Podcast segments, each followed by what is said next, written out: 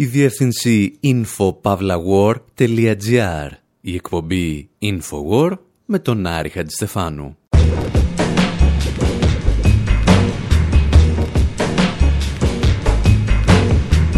όπου σήμερα επιστρέφουμε στον Sherlock Holmes και μέσω αυτού στις σχέσεις της επιστήμης με τον καπιταλισμό, το αστυνομικό μυθιστόρημα και κάτι τρελαμένους γιατρούς. Αναρωτιόμαστε εάν ένας αποκρυφιστής μπορεί να δημιουργήσει τον πλέον ηλιστή detective της ιστορίας και σκεφτόμαστε τι γνώμη θα είχε γι' αυτό ο μάγος Χουντίνη. Και ύστερα, με την ίδια πάντα αφορμή, παρακολουθούμε τους πιο τρελούς επιστήμονες που δημιούργησε η λογοτεχνία και η μεγάλη οθόνη.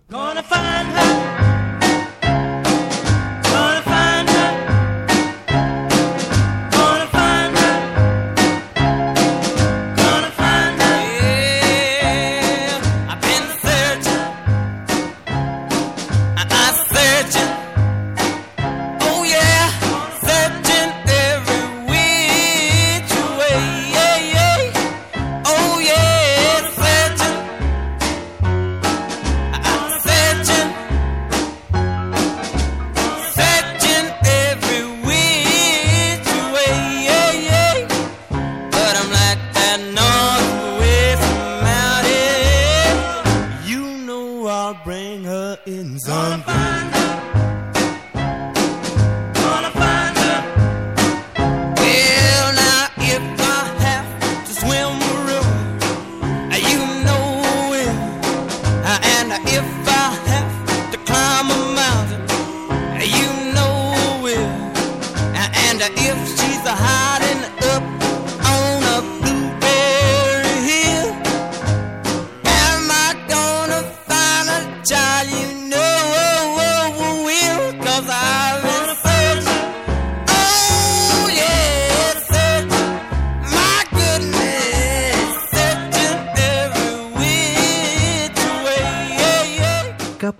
στα μέσα της δεκαετίας του 50, το συγκρότημα Coasters αποφασίζει να μετατραπεί σε Sherlock Holmes, σε μια σημαντική έρευνα που πραγματοποιεί. Αναζητούν, λέει, την αγάπη τους. Στο τραγούδι τους αναφέρουν και καμιά ντουζίνα ακόμη αστυνομικούς και detective, οι οποίοι θεωρητικά θα μπορούσαν να βοηθήσουν. Πάντα όμως κυριαρχεί ο Sherlock Holmes. Το πρόβλημα είναι ότι η δεκαετία του 50 στην οποία τραγουδούσαν οι Coasters δεν ανήκει στον Sherlock Holmes, ο οποίος γεννήθηκε το 1887, αλλά στον James Bond.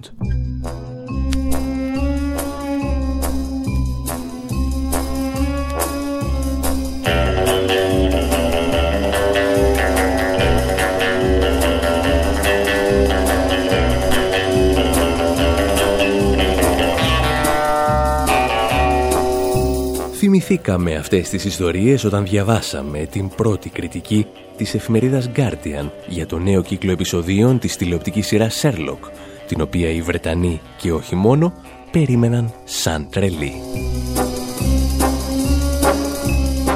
Ο Σέρλοκ, έγραψε ο Guardian, μεταμορφώνεται αργά και διεστραμμένα σε ένα νέο James Bond, και αυτό που ήθελε να πει ο συντάκτης είναι ότι ο ευφιέστερος detective της ιστορίας εγκαταλείπει σταδιακά τη δύναμη του μυαλού του και στηρίζεται όλο και συχνότερα στη μυϊκή του δύναμη και τη δύναμη των όπλων. Και αυτό είναι ό,τι χειρότερο μπορείς να κάνεις σε έναν οπαδό των μυθιστορημάτων του Άρθουρ Κόναν Ντόιλ.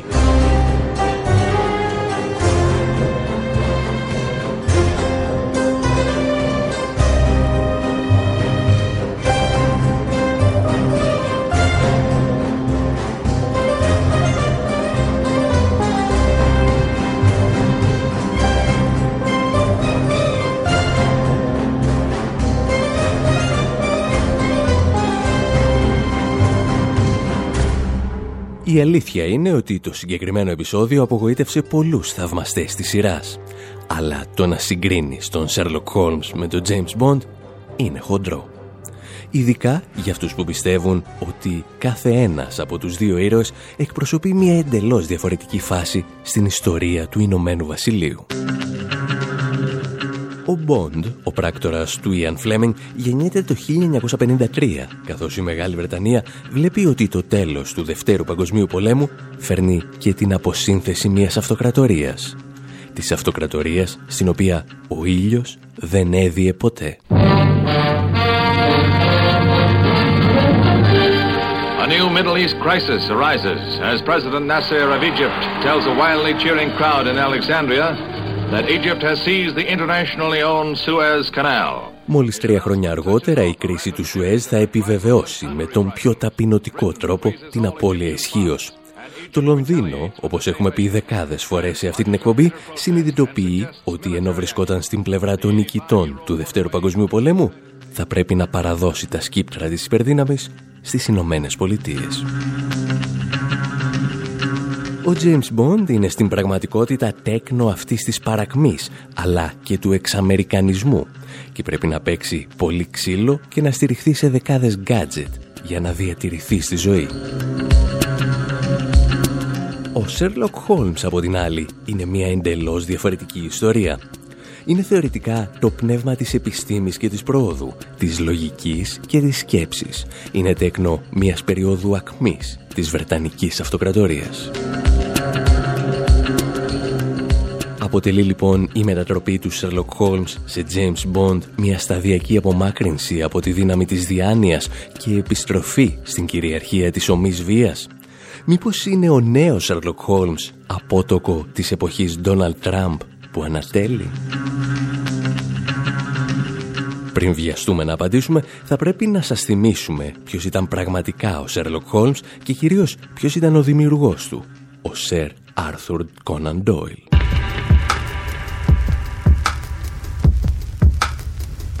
Η αλήθεια είναι ότι ο Sherlock Holmes γεννήθηκε και εκπροσώπησε μια άλλη εποχή.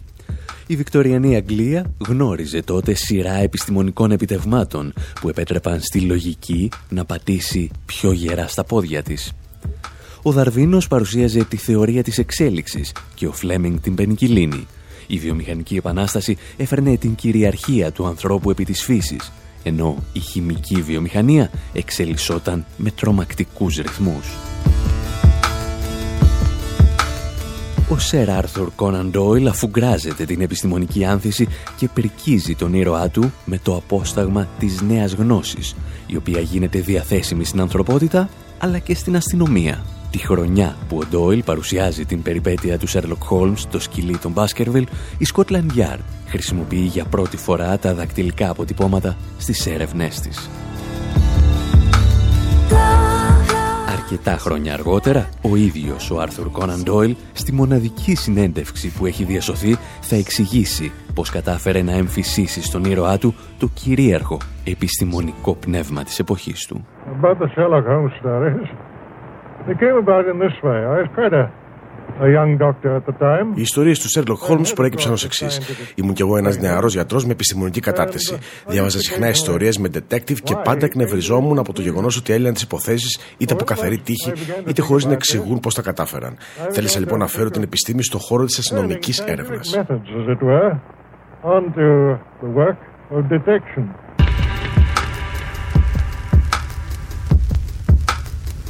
Ο λόγος για τον οποίο εδώ και τόση ώρα ακούμε το μουσικό θέμα από την τηλεοπτική σειρά Dr. House είναι γιατί ο Ντόιλ είχε τη μοναδική ευκαιρία να θητεύσει ως μαθητευόμενος γιατρός υπό τον Dr. House της εποχής του. Τα εξηγούσε όμως και πάλι ο ίδιος. And I used as a student uh, to have a old professor, his name was Bell, Ω φοιτητής, είχα έναν ηλικιωμένο καθηγητή που ονομαζόταν Μπέλ. Κοιτούσε τον ασθενή και του ζητούσε απλώς να ανοίξει το στόμα του. Και ύστερα, εκτός από τη διάγνωση της ασθένειας, του παρουσίαζε και στοιχεία για την εθνικότητά του, το επάγγελμά του και άλλα στοιχεία. Τα κατάφερνε μόνο με τη δύναμη της παρατήρησης. Σκεφτόμουν λοιπόν ότι αν ένας τέτοιος καθηγητής γινόταν detective, δεν θα έλυνε τις υποθέσεις του συριζόμενο στην τύχη, αλλά θα έκτιζε την απόδειξη με επιστημονικό τρόπο.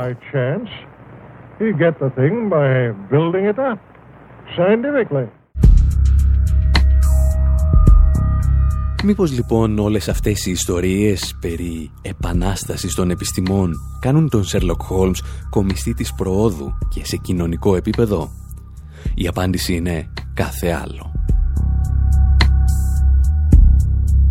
Ο Σέρλοκ Χόλμς αντικατοπτρίζει τα νέα μεσαία και ανώτερα στρώματα της καπιταλιστικής Αγγλίας που ζούσαν υπό τη συνεχή απειλή ότι οι μάζες των φτωχών που εργάζονταν υπό απάνθρωπες συνθήκες σε εργοστάσια ίσως μια μέρα να ξυπνήσουν και να τους πνίξουν.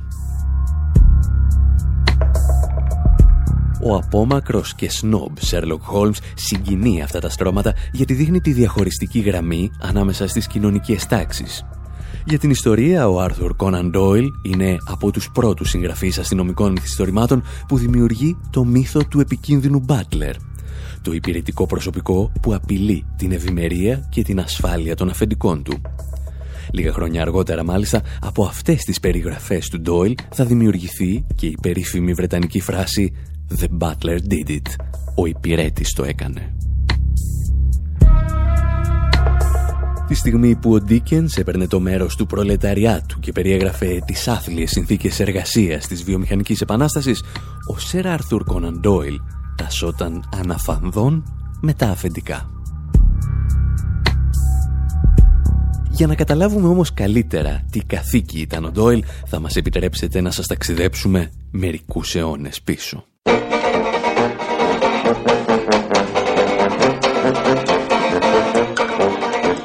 Time to say hello, Dolly Gray.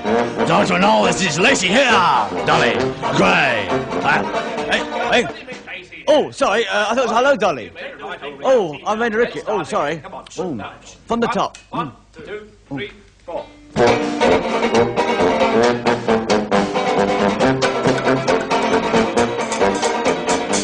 To say goodbye, Dolly Gray. There's no need to ask me why, Dolly Gray. There's a murmur in the air. During this record, Professor Bruce Lacey will be doing such capital things as sword swallowing, fire eating, and juggling. Unfortunately for you, dear listener, all these accomplishments are silent. Marching feet in a uniform so neat, so it's goodbye until we meet, Dolly was me.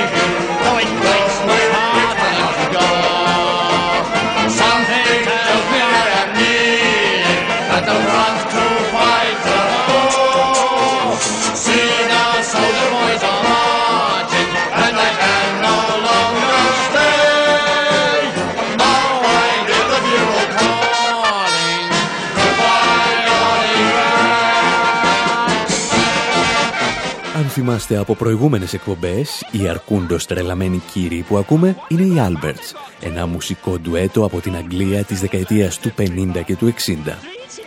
Λέγεται ότι προσπάθησαν να συνδυάσουν τη μουσική του music hall με τη jazz και τον σουρεαλισμό. Και βγήκε αυτό.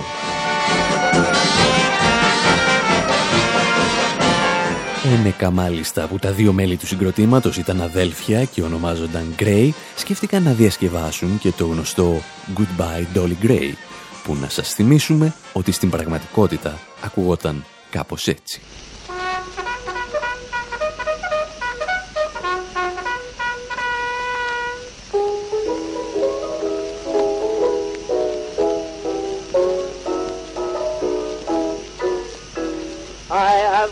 To say goodbye, Dolly Gray. It's no use to ask me why, Dolly Gray. There's a murmur in the air, you can hear it everywhere. It is time to do and dare, Dolly Gray. Don't you hear the tramp of feet, Dolly Gray? Sounding through the village street, Dolly Gray. Is the tramp of soldiers true in their uniforms of blue? I must say goodbye to you, Dolly Gray. Το Goodbye Dolly Gray ήταν ο ανεπίσημος ύμνος των Βρετανικών στρατευμάτων που ταξίδευαν στη Νότια Αφρική για να πολεμήσουν στον πόλεμο των Μπόερ εναντίον των Ολλανδών επίκων. Για την ακρίβεια πήγαιναν να σφάξουν τους γεωργούς που είχαν επαναστατήσει και να εξασφαλίσουν τα πλούσια κοιτάσματα χρυσού της περιοχής για το Λονδίνο. Οι Βρετανοί επιχειρούν τότε μία μικρή γενοκτονία εναντίον των Μπόερ. Μία γενοκτονία την οποία κάλυπτε τότε ένας νεαρός δημοσιογράφος ονόματι Winston Churchill. Και ανάμεσα σε αυτούς που υπηρέτησαν το Βρετανικό στέμα ως εθελοντές γιατροί ήταν εκείνη την περίοδο και ο Σερ Άρθουρ Κόναν Ντόιλ. Για την ιστορία να σας θυμίσουμε ότι ο πόλεμος των Μπόερ θα προσφέρει στην ανθρωπότητα και τα πρώτα στρατόπεδα συγκέντρωσης, τα οποία θα χρησιμοποιήσει μερικές δεκαετίες αργότερα και ο Αδόλφος Χίτλερ, με εξαιρετική επιτυχία για την γερμανική οικονομία. Για να είμαστε βέβαια δίκαιοι, μπορεί ο δημιουργός του Sherlock Holmes να στήριζε τις σφαγές στον πόλεμο των Μπόερ, είχε καταδικάσει όμως την κατά πολύ μεγαλύτερη γενοκτονία στο Κονγκό. Ενδεχομένως γιατί την πρώτη την πραγματοποιούσε η χώρα του, ενώ τη δεύτερη το Βέλγιο. Το μεγαλύτερο πάντως πρόβλημα του Άρθουρ Κόναν Ντόιλ ήταν ότι στην πραγματικότητα δεν πίστεψε ποτέ στην επανάσταση της επιστήμης που περιέγραφε στα βιβλία του. Ήταν ένας ηλίθιος μυστικιστής, όπως θα δούμε εντός ολίγου.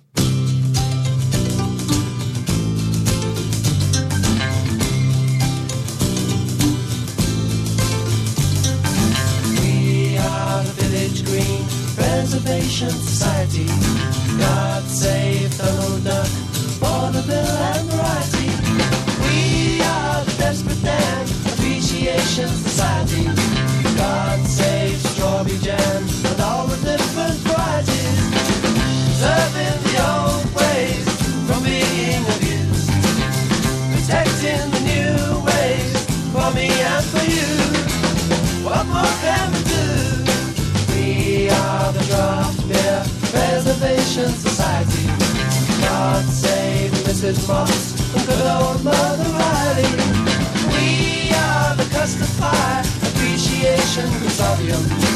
God save the George Cross and all those who were Waterloo. Οι Βρετανοί Kings τραγουδούν και πάλι για τον Sherlock Holmes, εκφράζοντας την νοσταλγία τους για την παλαιά Αγγλία πριν από τη βιομηχανική επανάσταση. Και εμείς έχουμε λόγους να πιστεύουμε ότι αυτή την οπισθοδρομική Αγγλία ονειρευόταν κατά βάθος και ο Σερ Άρθουρ Κόναν Ντόιλ, ο δημιουργός του Σέρλοκ Χόλμς. Ο Ντόιλ ήταν πιστό μέλος μασονικών στοών στην Αγγλία. Αυτό όμως που τον διέκρινε από τους φυσιολογικούς ανθρώπους της εποχής του ήταν η παθολογική μανία του με τον πνευματισμό. Λέγεται ότι το έπαθε όταν έχασε τη γυναίκα του και το γιο του, δύο ανήψια και κάτι άλλο συγγενείς στις αρχές του 20ου αιώνα. Έπεσε τότε, λένε, σε βαθιά κατάθλιψη. Ως μόνη διέξοδο βρήκε την πίστη σε πνεύματα και φαντάσματα, ενώ δεν άφησε λέσχη για λέσχη πνευματισμού, στην οποία να μην έγινε μέλος. Όπου υπήρχε κάποιος απατεώνας που υποστήριζε ότι είδε ένα φάντασμα, ο Ντόιλ ήταν εκεί για να τον υποστηρίξει. Και συνήθως συνέχιζε να το κάνει ακόμη και όταν αποδεικνυόταν ότι πρόκειται περί απάτης. Το ακόμη μεγαλύτερο πρόβλημά του όμως ήταν ότι προσπαθούσε να πείσει ακόμη και φυσιολογικούς ανθρώπους ότι έχουν υπερφυσικές ικανότητες. Και ένας από αυτούς τους καψερούς ήταν και ο περίφημος μάγος Χουντίνι.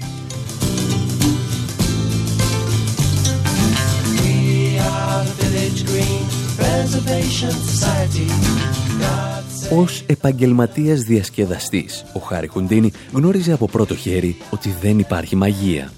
Η τέχνη του στηριζόταν σε οπτικές απάτες και έξυπνα τρίκ που παραπλανούσαν τις αισθήσεις των θεατών του.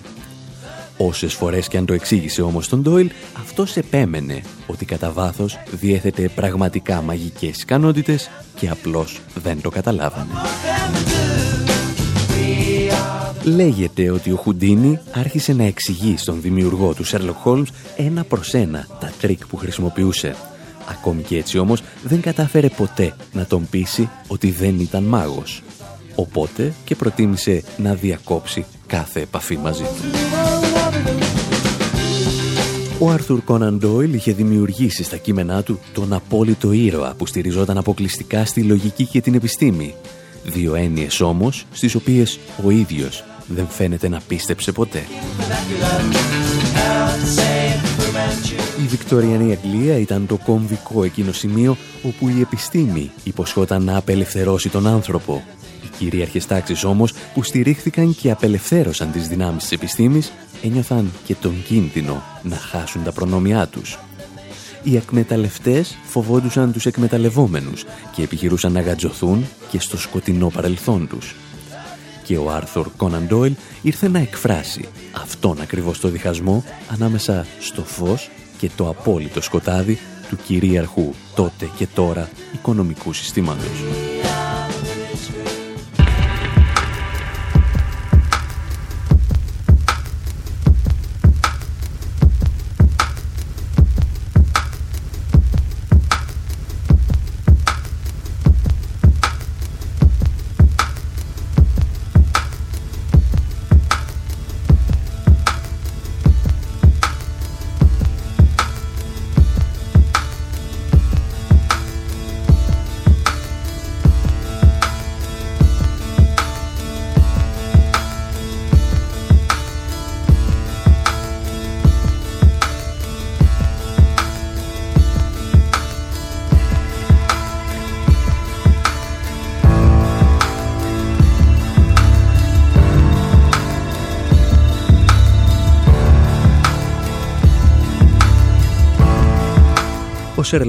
Sherlock Holmes λοιπόν εμπεριέχει το φως και το σκοτάδι, όπως και η εποχή την οποία εκπροσώπησε.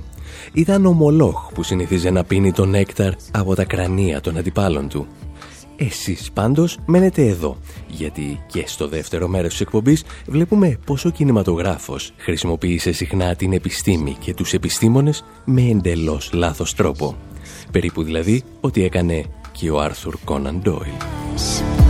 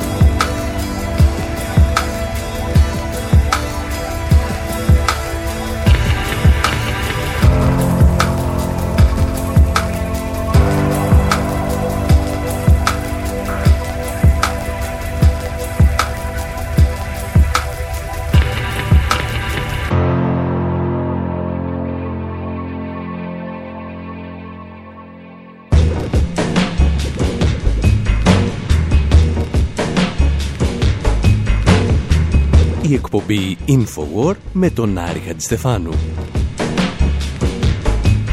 όπου σήμερα αναζητούμε τις ταινίες που αδίκησαν την επιστήμη. Για την ακρίβεια, αναζητούμε τις ταινίες που παρουσίασαν τους επιστήμονες είτε σαν παρανοϊκούς, είτε σαν δημιουργούς τεράτων. Και φυσικά ξεκινάμε από τον πιο τρελό των τρελών, τον Dr. Strangelove, από την ταινία του Kubrick SOS Πεντάγωνο «Καλή Μόσχα». Στην υποδοχή, ο Πίτερ Σέλερς.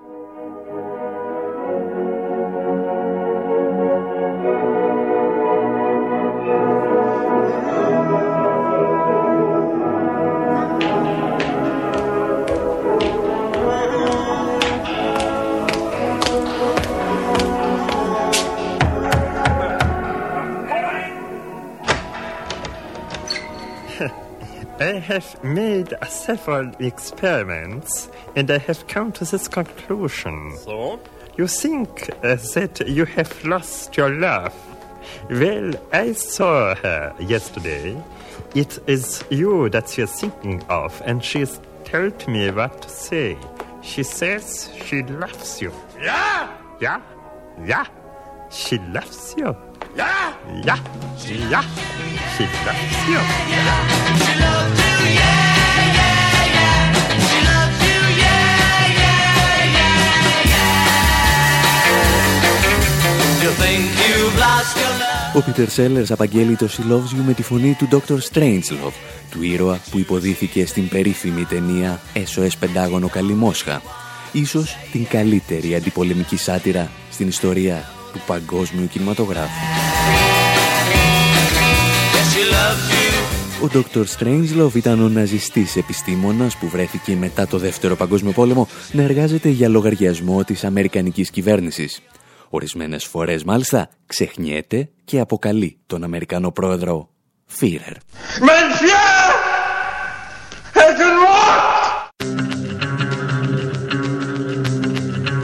Ο Dr. Strangelove δημιουργεί, αν θυμάστε, τη λεγόμενη Doomsday Machine, μια συσκευή που θα αναλάβει αυτόματα να καταστρέψει ολόκληρο τον πλανήτη σε περίπτωση που οι Ηνωμένες Πολιτείες δέχονταν πυρηνική επίθεση από κάποια άλλη χώρα. Ο ρόλος που υποδίεται ο Πίτερ Sellers είναι φανταστικός, δηλαδή περίπου, γιατί σύμφωνα με ορισμένες θεωρίες, έμπνευση για τον σκηνοθέτη Stanley Kubrick και τον Peter Sellers αποτέλεσε ο Γερμανός επιστήμονας Werner von Braun. Uh, that was done in the military development field in Germany.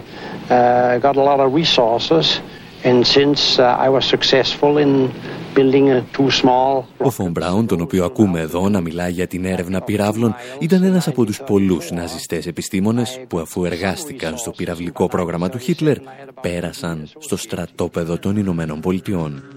Απόδειξη για ορισμένους ότι ο ναζισμός και ο φασισμός δεν είναι παρά μια κακή στιγμή στην πορεία του καπιταλισμού. Ο Φον Μπράουν ήταν ίσως η καλύτερη μεταγραφή στην επιστημονική ιστορία των Ηνωμένων Πολιτειών, αφού έφερε μαζί του την τεχνολογία των πυράβλων V2. Την τεχνολογία δηλαδή για την κατασκευή διυπηρωτικών πυράβλων που θα μπορούσαν να πλήξουν τη Σοβιετική Ένωση, αλλά και των πυράβλων με τους οποίους θα ξεκινούσε η εξερεύνηση του διαστήματος. Απόδειξη για ορισμένους ότι και η εξερεύνηση του διαστήματος δεν είναι παρά μια καλή στιγμή στην πορεία του πολέμου. Όσο για την περίφημη Doomsday Machine, και αυτή δεν ανήκει αποκλειστικά στη σφαίρα της επιστημονικής φαντασίας. Γιατί η φιγούρα του Dr. Strangelove στηρίχθηκε και στο περίφημο Ίδρυμα Μελετών Rand και σε ορισμένους ερευνητές του όπως ο Herman Kahn. Ο Καν εισήγαγε τη θεωρία του λεγόμενου δεύτερου χτυπήματος.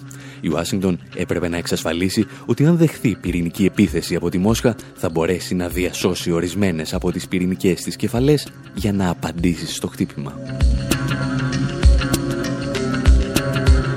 Η θεωρία του δεύτερου χτυπήματος με τη σειρά της οδήγησε στη λεγόμενη θεωρία της αμοιβαία εξασφαλισμένης καταστροφής, η MAD, από τα αρχικά των λέξεων Mutual Assured Destruction. Ό,τι πιο κοντά στο Doomsday Machine κατάφερε να σκεφτεί ο νους του ανθρώπου. Και πού οδήγησαν όλα αυτά; Οδήγησαν τον Ian Gillan να γράψει το τραγούδι Mutual Assured Distraction.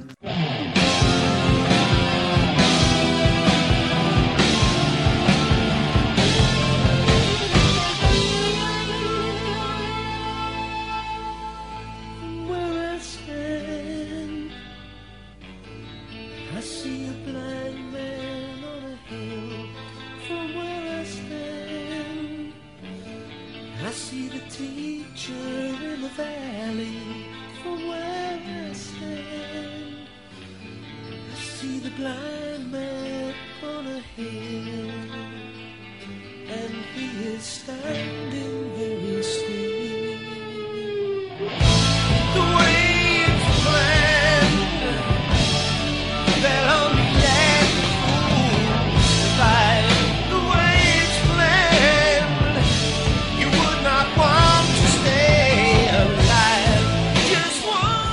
One. Ο Ιαν Γκίλαν λοιπόν τραγουδά το 1982 για τη θεωρία της αμοιβαία εξασφαλισμένης καταστροφής, επάνω στην οποία δημιούργησε και ο Κιούμπρικ την περσόνα του Dr. Strangelove.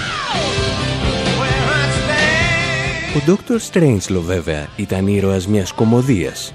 Η ιστορία των τρελών επιστημόνων όμως έχει πολύ βαθύτερες ρίζες και καμία σχέση με την κωμωδία. Όπως εξηγούσε πριν από μερικά χρόνια ο ψυχολόγος Stuart Weiss, οι συγγραφείς και οι σκηνοθέτες που ασχολούνται με την εικόνα του τρελού επιστήμονα δεν ενδιαφέρονται τόσο για το αν είναι σχιζοφρενής. Αυτό που εξετάζουν, έλεγε, είναι πώς το κυνήγι της γνώσης αμφισβητεί τις ηθικές αξίες κάθε εποχής. Πιο απλά, μέχρι πού μπορούν να φτάσουν οι συγκεκριμένοι επιστήμονες συνεχίζοντας τις έρευνές τους. Υπό αυτή την έννοια θα πούν ορισμένοι, ο πρώτος που ασχολήθηκε με τους τρελούς επιστήμονες ήταν ο Γκέτε, όταν άφησε τον Φάουστ να πουλήσει την ψυχή του στο διάολο, με αντάλλαγμα τη γνώση. Το φιλοθεάμον κοινό πάντως θα πρέπει να περιμένει μέχρι το 1816, έως ότου η Μέρι Σέλεϊ θα δημιουργήσει το πρότυπο του ανεξέλεγκτου επιστήμονα, που ακούει στο όνομα Frankenstein.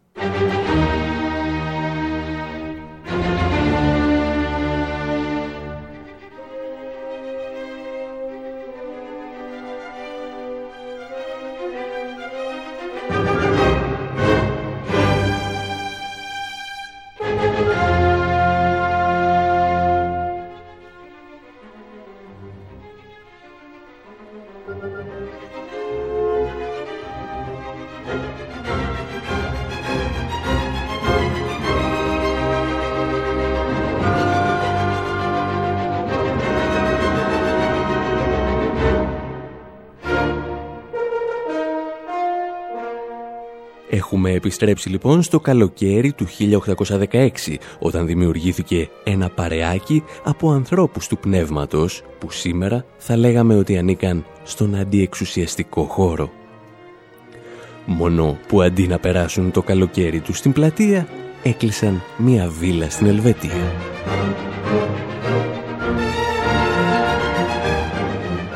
Το παρεάκι αποτελούνταν μεταξύ άλλων από τον Λόρδο Βίρονα, τη Μέρι Σέλι και τον Τζον Πολιντόρι. Και επειδή εκείνο το καλοκαίρι έβρεχε πολύ και οι διακοπές στην Ελβετία είναι εξίσου βαρετές με συνέδριο της ανανεωτικής αριστεράς, σκέφτηκαν να γράψουν από μία ιστορία τρόμου. Εκείνο το καλοκαίρι λοιπόν η Σέλι θα δημιουργήσει το τέρας του Φραγκενστάιν. Όπως θα μάθουμε αργότερα, εμπνέεται την ιστορία από την πιο πρόσφατη επιστημονική παρατήρηση των ημερών της. Τη δυνατότητα να χρησιμοποιούν ηλεκτρισμό για να προκαλούν σύσπαση των ανθρώπινων μειών. Και αν ο Φραγκενστάιν γεννιέται στις αρχές του 19ου αιώνα, στο τέλος του ίδιου αιώνα, ο Herbert Wells θα μας δώσει έναν άλλο περίεργο επιστήμονα στο νησί του Δόκτωρος Μόρο. In a remote laboratory, an exiled scientist created something impossible. Unmistakably human, undeniably animal, Όπως ακούτε και στο τρέιλερ της κινηματογραφικής μεταφοράς του 1996, ένας επιστήμονας δημιουργεί τέρατα, συνδυάζοντας χαρακτηριστικά ανθρώπων και ζώων.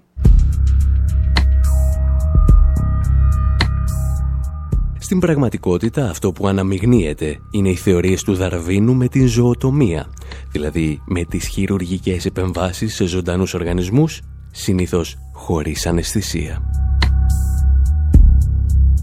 Για την ιστορία να σημειώσουμε πως αν και η ζωοτομία σε ανθρώπους έχει συνδεθεί με το έργο επιστημόνων όπως ο Τζόζεφ Μέγκελε στην ναζιστική Γερμανία, έχει μάλλον ελληνικές ρίζες.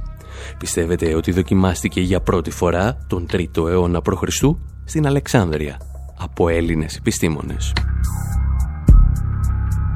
Και για να μην σας πάρει ψυχολογικά από κάτω, να σημειώσουμε επίσης ότι από τις περιπέτειες στο νησί του Δόκτωρος Μόρο θα εμπνευστούν το όνομά τους και οι House of Pain, που έπαιζαν τραγουδάκια σαν κι αυτό.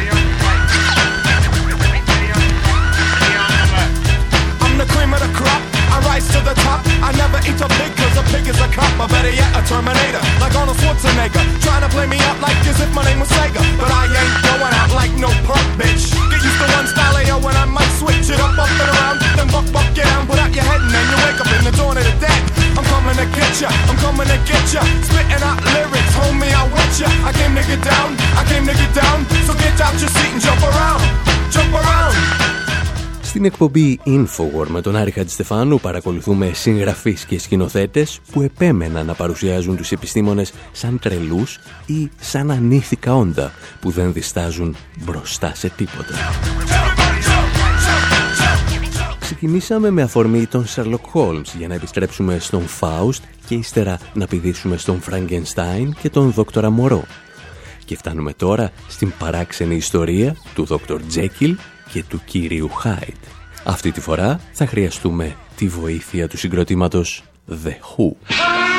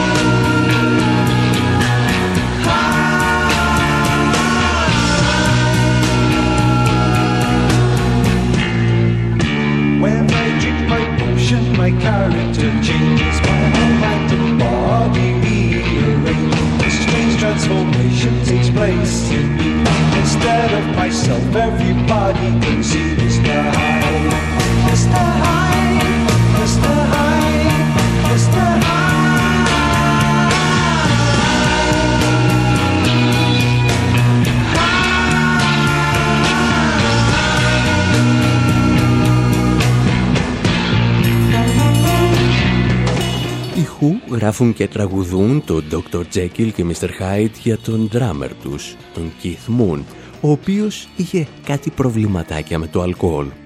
Όταν έπινε, και έπινε πολύ και συχνά, μεταμορφωνόταν, λέει, σε έναν άλλο άνθρωπο, που κανένας δεν ήθελε στην παρέα. Οι Who δανείζονται φυσικά το θέμα τους από το ομώνυμο μυθιστόρημα του Ρόμπερτ Λούι Στίβενσον για τον δόκτορα Τζέκιλ, ο οποίος μεταμορφώνεται σε κύριο Χάιντ και αρχίζει τα εγκλήματά του.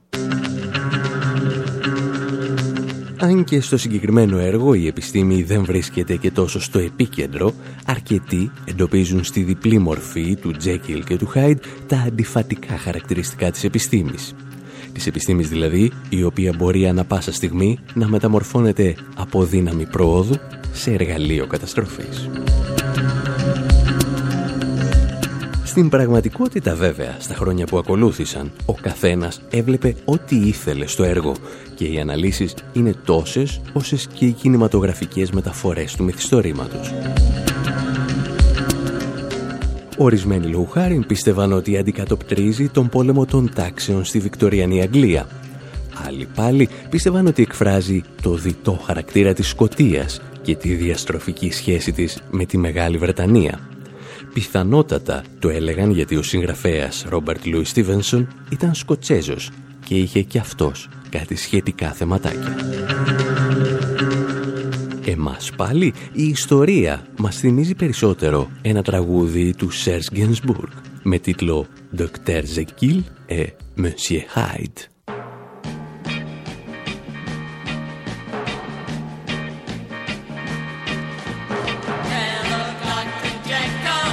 Non, je ne suis pas le docteur Jekyll. Mon nom est Hyde, Mr. Hyde. Docteur Jekyll, il avait en lui un Monsieur Hyde qui était son mauvais génie. Mr. Hyde ne disait rien, mais en secret n'en pensait pas moins. Je vous dis que je ne suis pas le docteur Jekyll. Mon nom est Hyde, Mr. Hyde. Docteur Jekyll n'a eu dans sa vie que des petites garces qui se foutaient de lui. Mr. Hyde, dans son cœur, prenait des notes pour le docteur.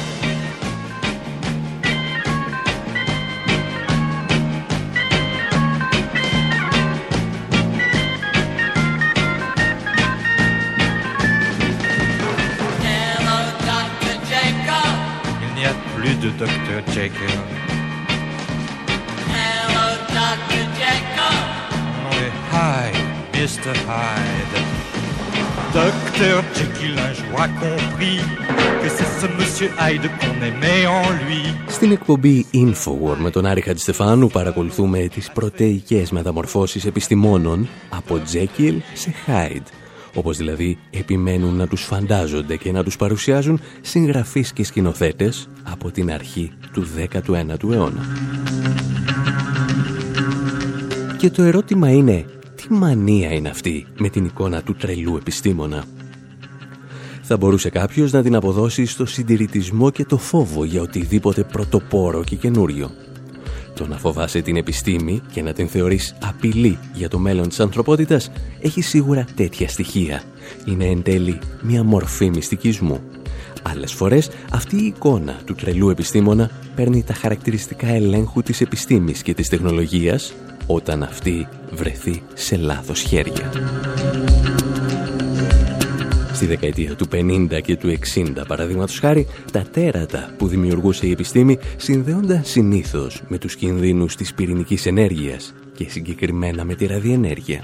Από τη δεκαετία του 80 και μετά, ο φόβος αφορά την απόλυτη σύνδεση των μεγάλων ερευνητικών κέντρων με ιδιωτικές επιχειρήσεις. Και οι δύο φόβοι δηλαδή ήταν απόλυτα δικαιολογημένοι και υγιείς. Το πρόβλημα είναι ότι πάντα την πληρώνει η αρχιετυπική εικόνα του επιστήμονα, ο οποίος εμφανίζεται με σηκωμένο λευκό μαλλί να απειλεί να τεινάξει τα πάντα στον αέρα. Κάπου εδώ όμως και εμείς λέμε να σας αφήσουμε ήσυχους. Να θυμάστε ότι όλες μας οι δουλειές, οι σκέψεις και οι εικόνες συγκεντρώνονται στο site μας info.pavlawar.gr Μέχρι την επόμενη εβδομάδα λοιπόν, από τον Άρη Χατζηστεφάνου στο μικρόφωνο και τον Δημήτρη Σαθόπουλο στην τεχνική επιμέλεια, γεια σας και χαρά σας.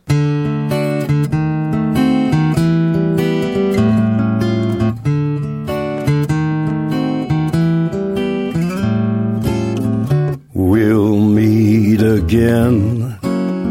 Don't know where, don't know when. but I know we'll meet again some sunny day.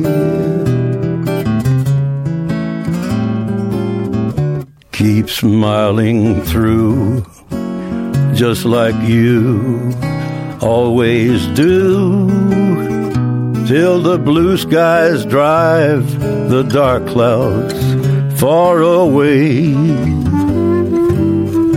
And will you please say hello to the folks that I know?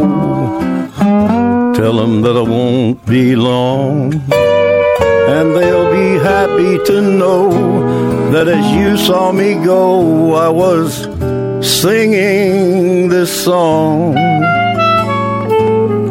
We'll meet again. Don't know where don't know when, but I know we'll meet again some sunny day.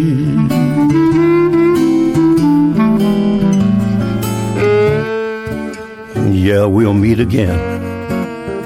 I don't know where, and I don't know when, but I do know that we'll meet again some sunny day.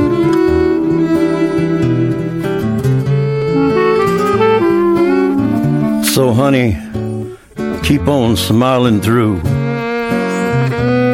just like you always do, till the blue skies drive the dark clouds far away. And would you please say hello to all the folks that I know and tell them I won't be long be happy to know that as you saw me go, I was singing the song. We'll meet again, don't know where, don't know when, but I know we'll meet again some sunny